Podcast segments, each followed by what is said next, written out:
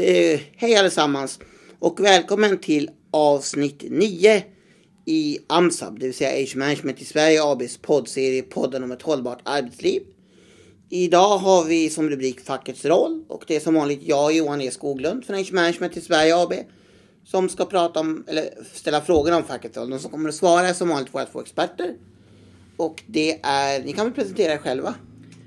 Barbro Skoglund. Okej, Skoglund. Brukar vi inte göra det? Jo, från Age Management Sverige. Jo, men jag brukar alltid säga vilka har vi med oss. Men det gjorde jag inte nu, utan jag gjorde det på lite annat sätt. Same procedures last time. Men ni har ju, en, har ju gjort ett antal interventioner. Låt mig börja så. Ni, har gjort, ni, har, ni blir ibland inkopplade när det gäller arbetsmiljöproblem. Och det kan vara alltid från Age Management man vill få in det i en organisation till att det kan vara ett problem på arbetsplatsen liknande. Och min korta fråga är helt enkelt, ja, kan ni förklara hur fackets roll är i det här? För det är ju en det finns ju arbetsgivare, det finns arbetstagare och så finns det fagföreningen som man sa i Fredrikssons fabrik när man pratade norska. Men kan ni, ni får fritt reflektera över fackets roll.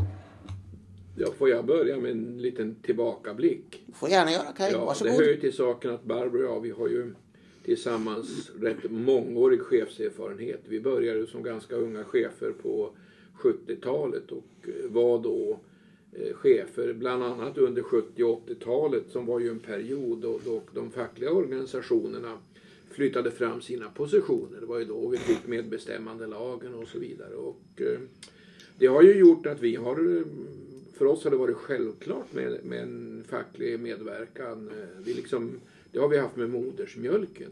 Sen har det ju skett, och det här gäller ju framförallt offentlig sektor. Där, där, där Du menar har- vår eh, professionella modersmjölk? Ja, vår professionella modersmjölk. Tror du inte att lyssnarna liksom insåg det? Man vet ju inte. Man vet Nåväl i alla fall. Och kan du tro att era föräldrar också hade mycket att göra med facket? Och det hade de väl inte? Nej, det hade de inte. De, de, de var före den perioden. Men sen eh, har ju fackets roll, får man väl säga, försvagats eh, rätt kraftigt jämfört med, med den tiden. Eh, men eh, det är ju till exempel så man flyttar fram till nutid och Barbro ska vi komma in på hur vi jobbar och se på facket, det vi gör nu. Men om man tittar på, på det, arbetsmiljölagstiftningen eh, och inte minst den nya föreskrift så, som nu har kommit och även den tidigare föreskriften om systematiska arbetsmiljöarbetet så betonas ju väldigt starkt samverkan med de fackliga organisationerna och skyddsombuden. Men Barbro, du kan väl utveckla. Jag känner jag är hes idag så jag ska nog inte prata så mycket. Eh, Begynnan, begynnande laryngit som eh, det brukar heta och då får man vara lite rädd om, om rösten. Jo, eh, det Kaj inledde med stämmer väldigt väl med, med våra erfarenheter. Och, och eh, man kan säga att tidigt eh, så lärde vi oss, kanske inte the hard way men, men, men the smart way, att ehm, ju, ju, ju tidigare i en förändringsprocess, och både Kaj och jag har drivit stora förändringsprocesser. Var man chef under 70, 80 och början på 90-talet, då var det ett ständigt förändringsarbete. Det är, det är ofta så säger man att det är nu det går så fort, men vi, det var väldigt mycket, framförallt gick man från regelstyrning till målstyrning i, i offentlig verksamhet. nu Och- vill Kaj Jo, komplettera. det- Då kommer jag genast, alltså den stora, verkligt stora dramatiken, det var ju på mitt- 90-talet då svensk ekonomi väldigt snabbt försämrades och det ställdes väldigt stora krav på, på eh, ja, mycket stora nedskärningar i klartext inom kommuner och landsting. Och vi var ju chefer under den processen så då, då har vi verkligen varit med om att eh, man fick hålla i hatten får man väl säga. Johan? För att vara väldigt tydliga kanske vi ska förklara vad skillnaden är på regelstyrning och målstyrning om alla inte vet det. Så att vi är väldigt tydliga. Ja, alltså då, tidigare så, så styrde staten genom regler.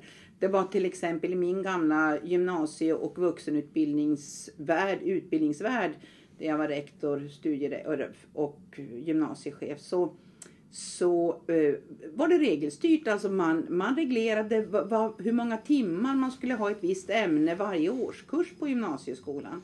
Och det fanns väl länsskolnämnder? Och länsskolnämnder som bestämde vad, eh, hur, vilka linjer som det hette på den tiden som en gymnasieskola i en kommun skulle ha. I och med avregleringen i början på 90-talet så fick varje kommun själv bestämma hur deras gymnasieutbildning, vilka, då, det var då programmen kom. Alltså när Göran Persson kommunaliserade skolan? Ja, det var efter det, men efter. i samband med det. Ja, ja. Det är två steg i det där. Men det här, vi är i början på 90-talet fortfarande. Eh, och eh, det innebar att det blev ett stor självständighet på kommunerna. Å andra sidan så är det så att då, staten vill ju ändå vara med eh, och, och, styra, vilket vi ser mer och mindre. Man, man, man har kanske lite svårt, om jag uttrycker mig lite drastiskt, att hålla fingrarna från styrsyltburken. Eh, vi har ju en diskussion idag om, om, om ett stort mått av eh, dokumentation, både på gott och på ont, som offentlig sektor har. Men det där var en utvikelse. Jag, ska och gå jag ska tillbaka, bara- jag ska gå tillbaka till facket. Okej, gör du det? Har du, har du en följdfråga? Nej, jag tänkte bara om målstyrning innebär att då styr man mot mål istället. Ja, och det, men det är svårt att hålla fingrarna från att ändå reglera så att säga måluppfyllelsen. Eh, annat än, och man vill gärna göra det i, i Mm. kvantitativa tal också, inte bara. För det här med kvalitativt Yes. är väldigt Men svårt fackets att roll måste ju bli en annan då i ett målstyrning än i ett regelstyrning. Ja, jag, jag vill gå tillbaka till det, jag, det Kai så att säga, kompletterade mig för några minuter sedan, nämligen eh, eh, inte the hard way, men i en förändringsprocess som vi så, var så involverade i som unga chefer med starka eh, politiska krav på när nedskärningarna började. Man tror att det är nu som det sparas. Vi börjar spara ja, egentligen eh, skiftet mellan 80 till 90-tal. Det var då det, det, det rullade in så att säga. Eh, och då var det väldigt, väldigt viktigt att man, ha, att man som chef hade Eh, med sig de fackliga organisationerna, organisation och, och faktiskt informerade dem både om förändringsarbetet som redan då fanns en skyldighet. Det stod större förändringar i den, den dåvarande arbetsmiljölagstiftningen. Men att det var viktigt att, att det fanns med. Det kunde vara ombyggnationer, det kunde vara organisationsförändringar.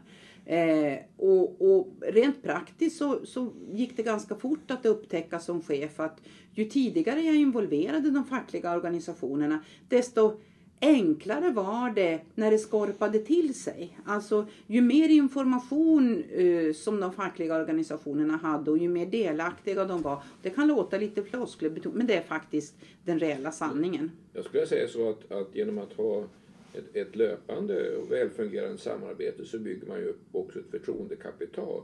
Och det gör att när man står inför väldigt svåra avväganden så, eh, så är, det, är det lättare att föra en seriös diskussion med de fackliga företrädarna om vad som man kan och inte kan göra. Johan? Gäller det alla fackliga organisationer då? För du hade ju en medarbetare som var aktiv i facket Syndikalisterna. Och de är väl inte som andra fack? Nej, de har ju inget kollektivavtal. Avtal. Och det be- betyder då att man måste hantera det på ett annat sätt. Så då lärde man sig hur, hur, hur det skulle vara. Det finns alltså ingen förhandlingsplikt. Gentemot Till- de som inte har kollektivavtal. Det var Exakt. det jag ville komma till. Ja. Men det var en Och- utvikning från min sida. Ja, det, de, de, det är ju så pass få så att... eh, Ja, men det gick bra. Det, Jo, det, men jag man- bara menar att det är relativt ovanligt att man stöter på Ja men de syndikalister, fanns. Och, ja, de och, eh, jo, men det, och det fanns sådana medarbetare som var medlemmar i Syndikalisterna. Och då måste man sköta det på, på Ja. ett professionellt sätt. Vilket också skedde i det här fallet. Eh, under, under den perioden. Eh, det, det, man kan inte nog understryka.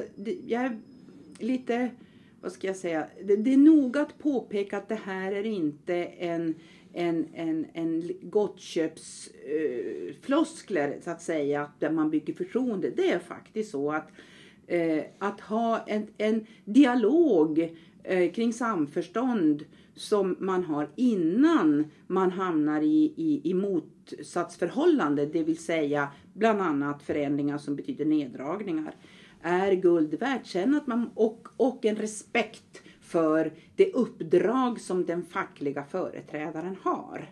Och vi kommer tillbaka till, till det senare när vi, hur, hur vi jobbar nu när det gäller de svåra konfliktsituationerna som vi är involverade i. Johan? Nej, Vid ett tillfälle, och det här var bara för några år sedan, så träffade jag en gammal facklig representant som hade jobbat med min far i ett sammanhang. Och när hon då fick reda på att jag var Kaj Skoglunds son sa hon, ja men hälsa till pappa. Han var en fantastisk chef, sa hon. enda gången jag inte tyckte om honom, sa hon, ur ett faktiskt perspektiv. Det var när han kom och berättade att man skulle skära ner med ett visst antal tjänster. Jaha, sa jag. Ja, för han sa det två dagar innan julledigheten. Och det tyckte jag var dålig timing. Annars var han en fantastisk chef. Man lär av sina Så man lär av sina misstag. Eller det här Barbro säger att det gäller att... Alltså, så, och, och så att involvera också tidigt i processen. Det är väl också viktigt antar jag. För man, när man läser om det i media, det med facket, är det ofta så att facket känner sig, ja, de inte är involverade. Och media här- får veta först om nedskärningar och sådär. Ja, och det här bygger då på, det finns alltså ett, ett, ett uppdrag och det här är lite olika. Jag ska inte nämna några fackliga organisationer här men det finns en, en, en det finns ett ansvar för eh, de fackliga organisationerna både centralt och regionalt att utbilda sina företrädare i vad man har vad man har möjlighet att påverka inom den fackliga rollen och vad som är faktiskt är arbetsgivarens prerogative som det brukar heta i engelska. Alltså arbetsgivarens eh, både skyldighet och, och Rätt rätt, rättigheter att leda och fördela arbetet. Eh, och eh, det här är, så det är väldigt viktigt för det här, det här eh, vad ska jag säga, samverkansklimatet att man har fackliga en facklig, organ, eller fackliga organisation eller företrädare för de fackliga organisationerna som är välutbildade och vet vad man kan påverka och på vilket sätt man kan påverka och vad man inte kan påverka i rollen som facklig företrädare. Det tycker jag låter som en alldeles perfekt avslutning på det här programmet. Eller är det någon mer som vill? Av mina två experter som har något ytterligare att tillägga om fackets roll? Ja, jag vill bara knyta ihop det med att säga det du började med att vi, vi är, har uppdrag eh, kopplade till, till eh, när det är komplicerade arbetsmiljökonflikter eh, på arbetsplatser. Har gjort en hel del, närmare 40 vid det här laget. Eh, och då är de fackliga organisationerna, det vill säga den, den eh, förhandlingsmotpart som arbetsgivaren har, för det är ju arbetsgivaren som, som eh, brukar städsla oss, eh, eh, en ovärderlig informantgrupp i de stora grupper av informanter som vi då, då tar in fakta ifrån. Eh, det och dessutom som avslutning, eh, vi har, vår förra podd hette eh, Lära ledare långsiktigt ledarskap, eller var det Yes. något poddar i precis.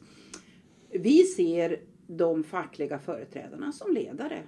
Man är alltså, man leder sina medlemmar i den fackliga situationen oavsett om man har ett skyddsombudsuppdrag, huvudskyddsombud eller om man är förhandlare. Eh, det är en ledarroll som eh, har, har sitt uppdrag precis som ledarrollen på arbetsgivarsidan har sitt uppdrag.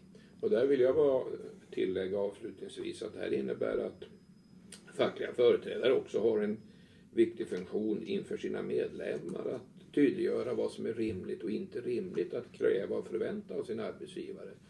Så att ett nära samarbete i, i, i, förändringsarbete det underlättar det och inte försvårar det. Om man har nu en, en seriös och förtroendefull relation. Det är väl min slutkommentar. Och jag har två slutkommentarer. Minsann. Den första är att jag brukar gå på biblioteket ibland och läsa diverse tidskrifter. Och senast läste jag tidskriften Kommunalarbetare. Och då var det på insändarsidan en fråga där man sa att vi har fått höra att man efter 60 års ålder har rätt till, eller inte insändare utan frågespalten. Att vi har, på, har fått höra på ryktesvägen, eller det påstås att man efter 60 år har rätt att slippa nattarbete. Stämmer det? Nej, svarade då arbetsgivarexperten. Det gör det inte utan, eh, utan det, det är så att det är något som man i så fall måste avtala för varje individ om det är någon som har svårt att jobba på natten. Och det där visar ju vilken roll facket har att informera om vad som gäller korrekt så att man inte får en massa misstag. Och det andra är att dagen innan vi spelade in den här podden så det kan vi väl säga att vi spelar in eh, eh, onsdagen den 24 augusti och den 23 som var tisdag klockan 15.30 så kallade socialförsäkringsminister Annika Strandhäll till presskonferens för att hon drog tillbaka sitt mycket kritiserade förslag om hälsoväxling. Och det ledde ju det. Och varför drog hon tillbaka det? Jo, just för att just facket och arbetsgivaren hade kommit överens om en egen lösning. Just det. Och med det sagt ja. så vill jag att vi ska titta på vad podd nummer 10 ska handla om. Och då ska vi återigen ta upp ett begrepp som har, kärt barn har många namn. Det har talats om hälsism, hälsofascism, hälsonoja, friskvårdshysterin. Och vi ska helt enkelt gå igenom vad våra experter hur de ser på detta aktuella ämnen. Men för nu så tackar vi för oss och denna nionde podd. Och vi avslutar med att säga hej då och det gör Johan Skoglund. Och Kaj Skoglund. Och Barbro Skoglund. Hej!